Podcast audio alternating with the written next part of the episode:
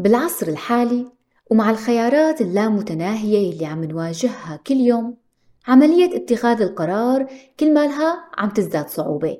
وخاصة أنه فترة العشرينيات هي أكثر فترة منتخذ فيها قرارات بحياتنا. ولأنه حياتك عبارة عن قراراتك من الضروري أنه تكون قراراتك مدروسة وحكيمة. كيف ممكن تطوري مهارة اتخاذ القرار عندك؟ شو هي العادات اللي ممكن تجعل قراراتك صائبة أكثر؟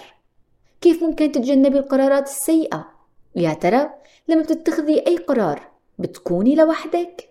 ولا مين كمان عم يكون شريكك بقراراتك؟ كل هالشي حيكون موضوعنا لليوم تابعيني معكم الأخصائية النفسية سارة فرعون بشارككم من خبرتي وقراءاتي ضمن بودكاست تكتيكات حياتية هدفي نشر الوعي بأهمية الاهتمام بجانبك النفسي حتى تكوني أكثر راحة وسعادة.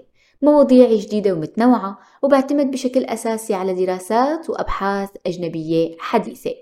بحب ذكر إنك إذا حابة تحجزي استشارة نفسية معي بتقدري تعملي هالشي عن طريق تعبئة الفورم الموجود بصندوق الوصف. عنوان حلقة اليوم من الندم إلى النجاح. تقريبا كل ساعة من حياتنا بنواجه فيها قرارات جديدة.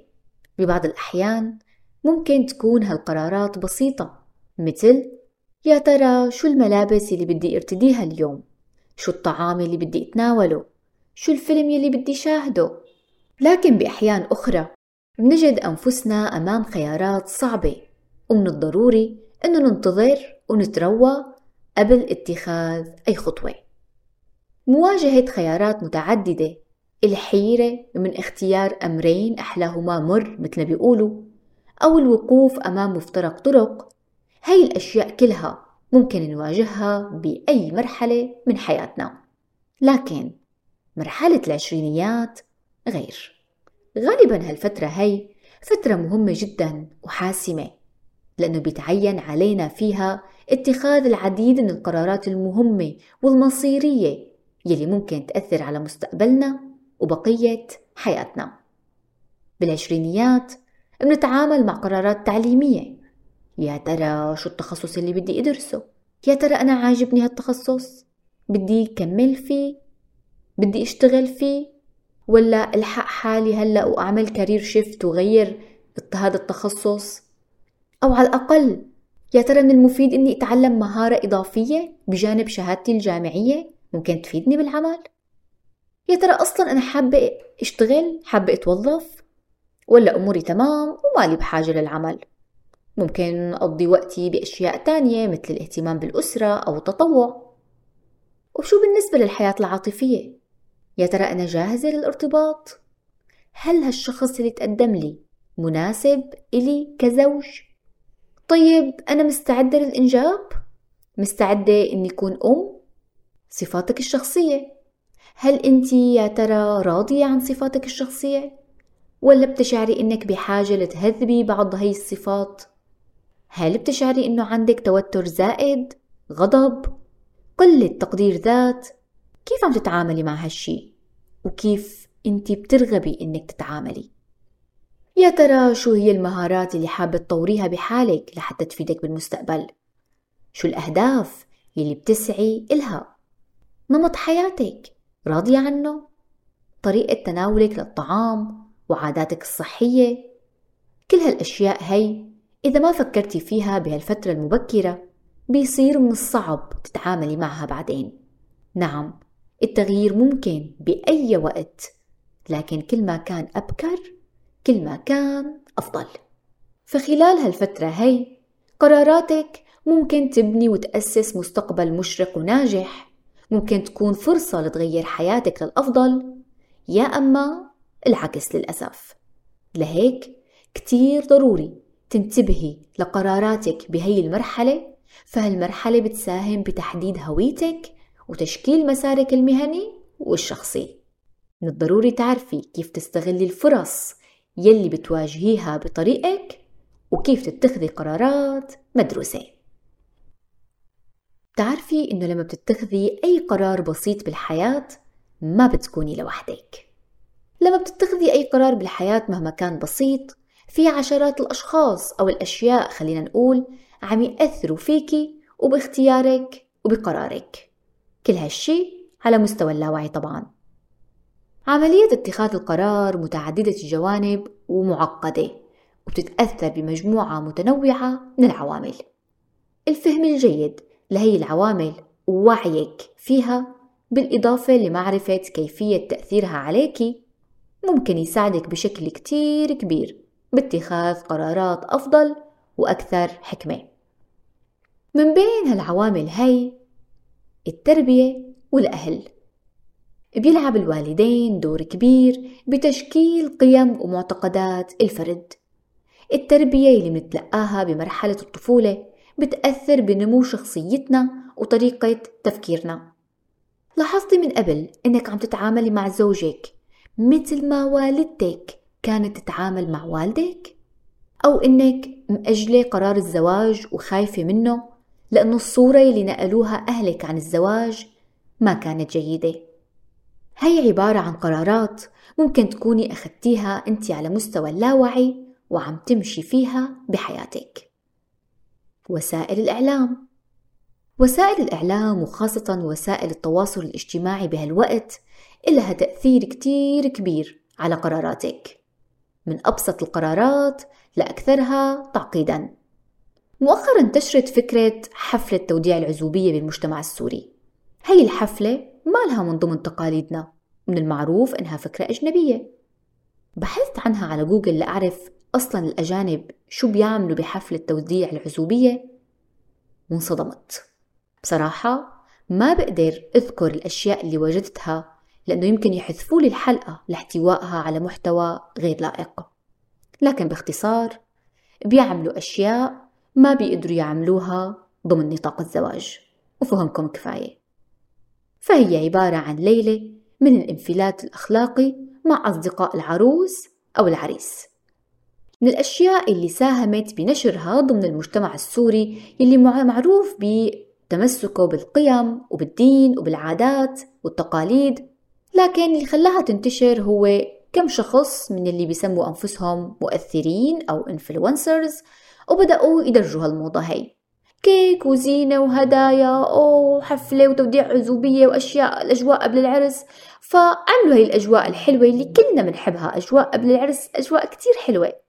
عملوا هاي الأجواء هاي الحلوة سموها حفلة توديع العزوبية وبدأ المجتمع يتأثر فيها ويتبناها ويضمها لطقوس الزواج من دون ما يعرف أصلا هي شو أساسها. مستحضرات التجميل أو حتى ماركات الطعام المختلفة. جربي روحي على سوبر ماركت وقفي أمام منتج أول مرة بتشتريه. وانت عم تنظري لهالماركات ومحتارة أي وحدة تختاري. وبعد ما تختاري هالماركة المعينة رح تلاحظي إنك اخترتي الماركة يلي شاهدتي إعلان عنها أو أحد المشاهير بيستخدمها ومصور story عنها. كمان غالبا بشكل لا واعي اتخذتي هذا القرار. ببساطة الدماغ بحب الأشياء المألوفة. فدماغك أخذك فورا على المألوف خلاك تختاري المألوف حتى لو ما كنتي بتحبيه. ممكن تكوني انت ما بتحبي هي الماركة. بس ارتحتي لها لما قارنتيها بباقي الماركات الغير مألوفة وخاصة إذا ما كنتي مجربة ولا وحدة فيهم. وقيسي على ذلك. الثقافة والمجتمع. القيم العادات والتقاليد بالمجتمع بتلعب دور كتير كبير بتوجيه قرارات الأفراد. لهيك بتلاحظي إنه غالبية الأشخاص لما يسافروا ويختلطوا مع مجتمعات جديدة ومختلفة عنهم بتلاحظي إنه اتغير فيهم شي. اتغيرت نظرتهم للحياة واختياراتهم وقراراتهم. بيقول الإمام الشافعي وطول مقام المرء في الحي مخلق لديباجتيه فاغترب تتجددي فإني رأيت الشمس زيدت محبة إلى الناس أن ليست عليهم بسرمدي. التجارب الشخصية. الخبرات الشخصية بتأثر كمان باتخاذ القرارات. لما بنمر بتجربة معينة ممكن هالتجربة تأثر على طريقة تفكيرنا وقراراتنا بالحياة. الأشخاص اللي مروا بتجربة غدر من صديقة بتلاقيهم أكثر حذر بالتعامل مع الناس وتكوين الصداقات. الأشخاص اللي مروا بتجارب عاطفية غير ناجحة كمان بيكونوا حذرين أكثر وقت اختيار شريك الحياة. الأهداف والأولويات الشخصية. وجود عندك هدف ورؤية واضحة بالحياة كمان ممكن يأثر كتير على قراراتك. ممكن يجعلك ترفضي خيارات قد تعتبر ذهبية وخيالية بالنسبة لبعض الناس لكنها عادية بالنسبة إلك. لأنه هدفك أكبر منها وبتعرفي فعلا لوين ماشية ولوين بدك توصلي. أوه سارة كل هدول بيأثروا على اتخاذ القرار؟ لا مو بس هدول بالمناسبة لسه في أضعافهم. في الأصدقاء المجتمع الحالة المزاجية و و و. بس أنا اليوم رح أكتفي فيهم. وعيك بهالعوامل هي يلي ممكن تأثر باتخاذ قراراتك هو أول خطوة بطريق اتخاذ قرارات أفضل بالحياة. كل شي بهالحياة عبارة عن عادة. الصحة النفسية عادة. النجاح والمثابرة عادة. اللوم والشكوى عادة. وهكذا. عاداتنا هي اللي بنلاقيها عم تشكل حياتنا وقراراتنا بالنهاية. في عادات معينة. إذا تعودتي تمارسيهم ممكن إنهم يساهموا بجعل قراراتك أفضل. مثل التعلم من تجاربك. بنمر دائما بتجارب مختلفة. البعض عندهم القدرة أنهم يتعلموا منها لحتى يطوروا تجاربهم القادمة واختياراتهم. والبعض ممكن يلاقي صعوبة بهالشي. التعلم من التجارب والأخطاء ممكن يكون من أهم المهارات اللي ممكن تكتسبيها بحياتك. تخيلي إنه في برنامج أو تطبيق على الموبايل ما بيقبل إنه يحدث نفسه ويحمل نسخ جديدة كل فترة. رح يضل هالبرنامج قديم وفيه أخطاء والناس ما رح تحب تستخدمه. شخصيتك كمان لازم دائما تكون عم تتحدث وفقا للتجارب اللي عم تمري فيها وتعيشيها والأشياء اللي عم تتعلميها. وإذا تجاربك ما غيرتك صعب جدا إنه أي شيء آخر يقوم بهالشي لهذا السبب من المفيد إنك تخصصي كل يوم وقت للتفكير للتفكير بالأشياء اللي حصلت معك خلال اليوم شو تعلمتي اليوم؟ هالموقف هذا يا ترى شو تفسيره؟ ممكن كمان تكتبي شوية أفكار إذا ما فكرتي وحللتي التجارب اللي عم تعيشيها صعب تتعلمي منها في مقولة حلوة قرأتها بكتاب فوكس للكاتب المعروف دانيال جولمان بيقول Give yourself a time to reflect عطي نفسك وقت للتفكير الحياة الآن صايرة كتير سريعة لدرجة أحيانا ما في وقت نجلس مع أنفسنا ونفكر هل أنا يا ترى اليوم اللي عملته صحيح؟ هل اللي عمله اليوم معي فلان تصرف مقبول؟ الموقف اللي صار اليوم مع فلان شو بقدر أتعلم منه؟ هل القرار اللي اتخذته اليوم بخصوص كذا كان صائب؟ أنا اليوم لما غلطت بهالتصرف ليه يا ترى عملت هيك؟ شو اللي دفعني أتصرف بهالطريقة؟ طيب كيف ممكن أتصرف بالمرات القادمة؟ فعطي وقت لنفسك لتفكري وتعطي رأيك بالشي اللي صار معك خلال اليوم وبقراراتك اليومية في إذا ما كانت جيدة أو بحاجة لإعادة التفكير فيها. انتبهي لتقديرك لذاتك. تقدير الذات مهم جدا عند اتخاذ أي قرار، وخاصة القرارات المصيرية والهامة. لكن انتبهي، تقدير الذات المنخفض ممكن يدفعك لاتخاذ قرارات غير جيدة، ممكن يدفعك لاتخاذ قرارات متساهلة ما بتتناسب مع قيمك ومبادئك. ممكن حتى يجعلك عاجزة عن اتخاذ القرار المناسب والصائب. وبنفس الوقت كمان تقدير الذات المرتفع جدا أو المفرط ممكن يجعل قراراتك غير صائبة. فالمطلوب هو التوازن. بالطب بتشير الدراسات لأنه الثقة المفرطة ممكن تؤدي لأخطاء تشخيصية. للحفاظ على تقدير الذات تحت السيطرة حاولي دائما تحللي تقديرك لذاتك قبل اتخاذ أي قرار مهم يا ترى أنت عارفة شو عم تعملي؟ واثقة من هالشي مية بالمية؟ إذا مية بالمية فهي دليل أو إشارة على ثقة مفرطة وهالشي ممكن يكون غلط طيب واثقة 80% كتير حلو لأنه كمان بدنا نكون واقعيين ممكن نفكر ونحلل ونخطط ونستشير ونتخذ هالقرار ونكون كمان واثقين مليون بالمية. وبالنهاية بيطلع قرار غير جيد. هالشي ممكن يسبب لك صدمة إحباط. لهيك بدنا نترك دائما نسبة للخطأ. نحن بشر بالنهاية طبيعتنا الخطأ والنسيان. ودائما في أشياء ممكن تحدث ما بنقدر نسيطر عليها وخارجة تماما عن إرادتنا. انتبهي للاستدلالات العقلية الخاصة فيكي الاستدلال هو اختصار عقلي بنستخدمه لنتخذ قرارات سريعة.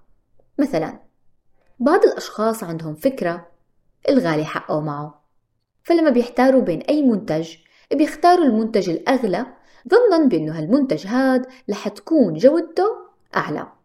بينما هالشي مو بالضرورة يكون صحيح. فعملوا كتير اختبارات على منتجات مثل الملابس من ماركات غالية وقارنوها بين ملابس عادية إما تكون ملابس صنع محلي أو مالها ماركة أو ممكن ماركة رخيصة. ببعض الأحيان كانت الملابس العادية عم تتفوق على جودة الملابس من الماركات الغالية وخاصة أنه في بعض الماركات الغالية عم يكون هدفها تجاري فمن صالحها أنه القطعة تصير قديمة بسرعة. حتى يزيدوا الاستهلاك مثال آخر. من أحد الاستدلالات العقلية الشائعة تكوين رابط وهمي.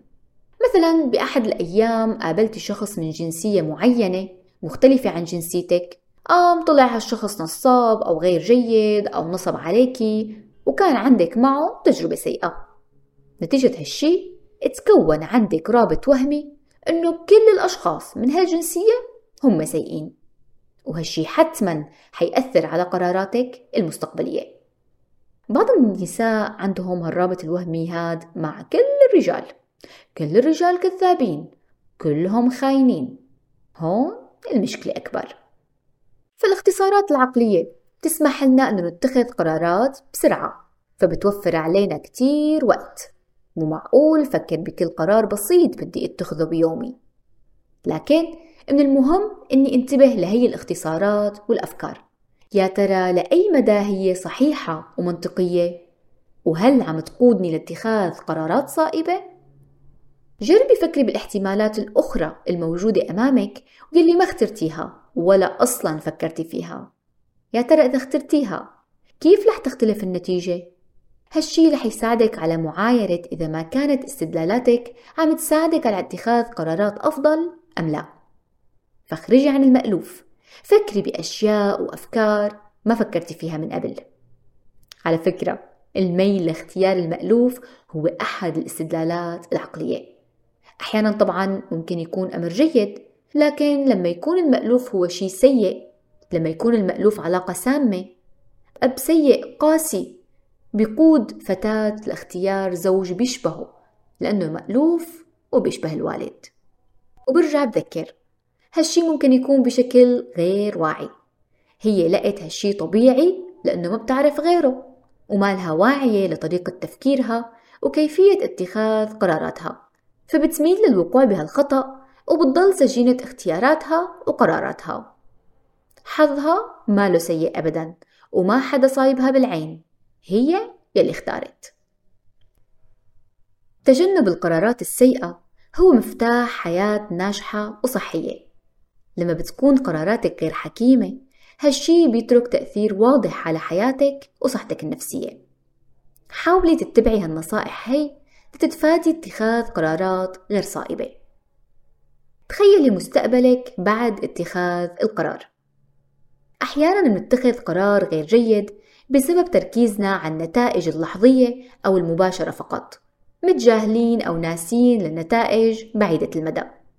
لما بتواجهي قرار مالك متأكدة منه من المفيد إنك تتخيلي حياتك بالمستقبل أو تبعات هالقرار بالمستقبل.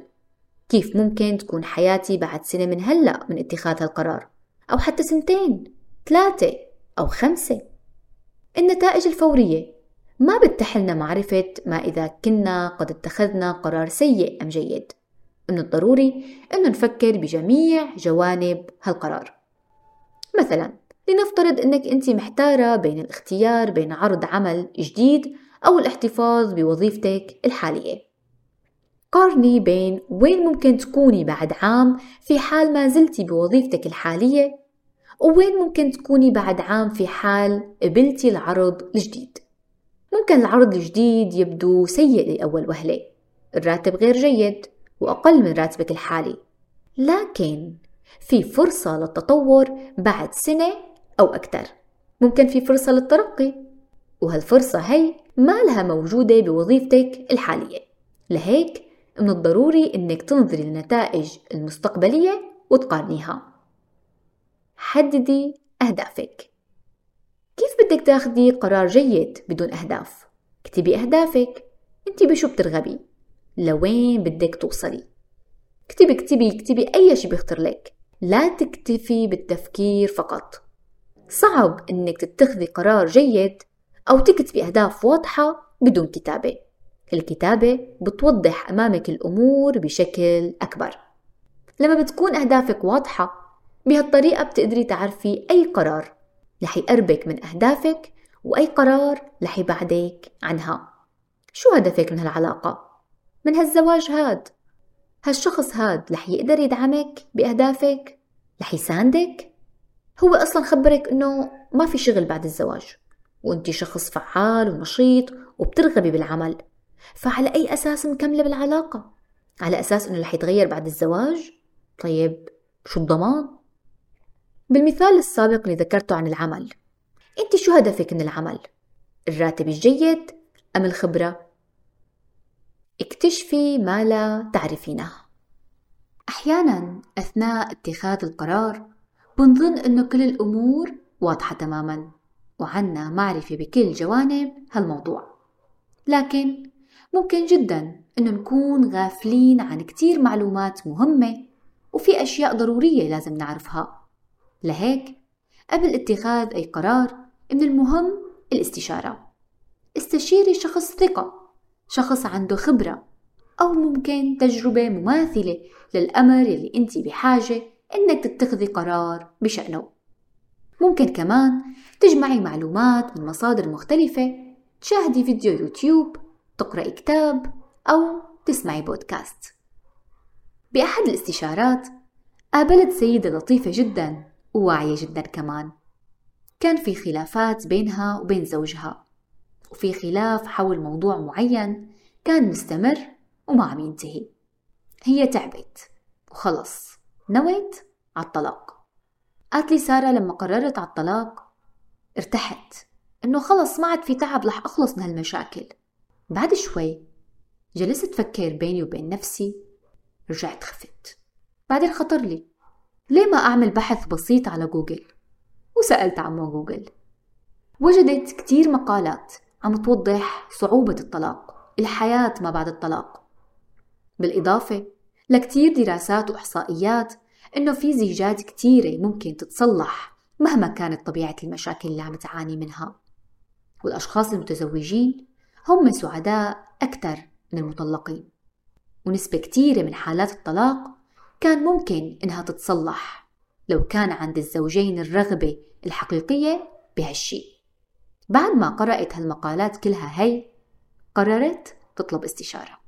الحمد لله. قدرت تتجاوز المشاكل واستمرت بزواجها بعد ما حلت المشاكل يلي كانت موجودة. فقبل ما تتخذي أي قرار وخاصة القرارات المصيرية وقفي لحظة.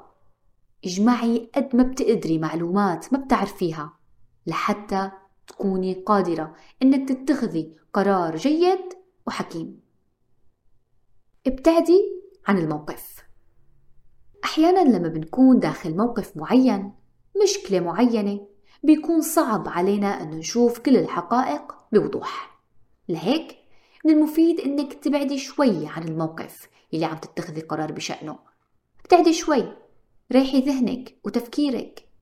التفكير الزائد جدا سيء وما بيجيب نتيجة جيدة. بعد فترة رح تلاحظي إنه في كتير أمور وضحت لوحدها. وارتاح ذهنك وتفكيرك وأصبحتي قادرة إنك تتخذي القرار المناسب بتشعري بأنه الحياة ما لها لصالحك؟ ما عندك حظ؟ أو يمكن في شخص حاسدك؟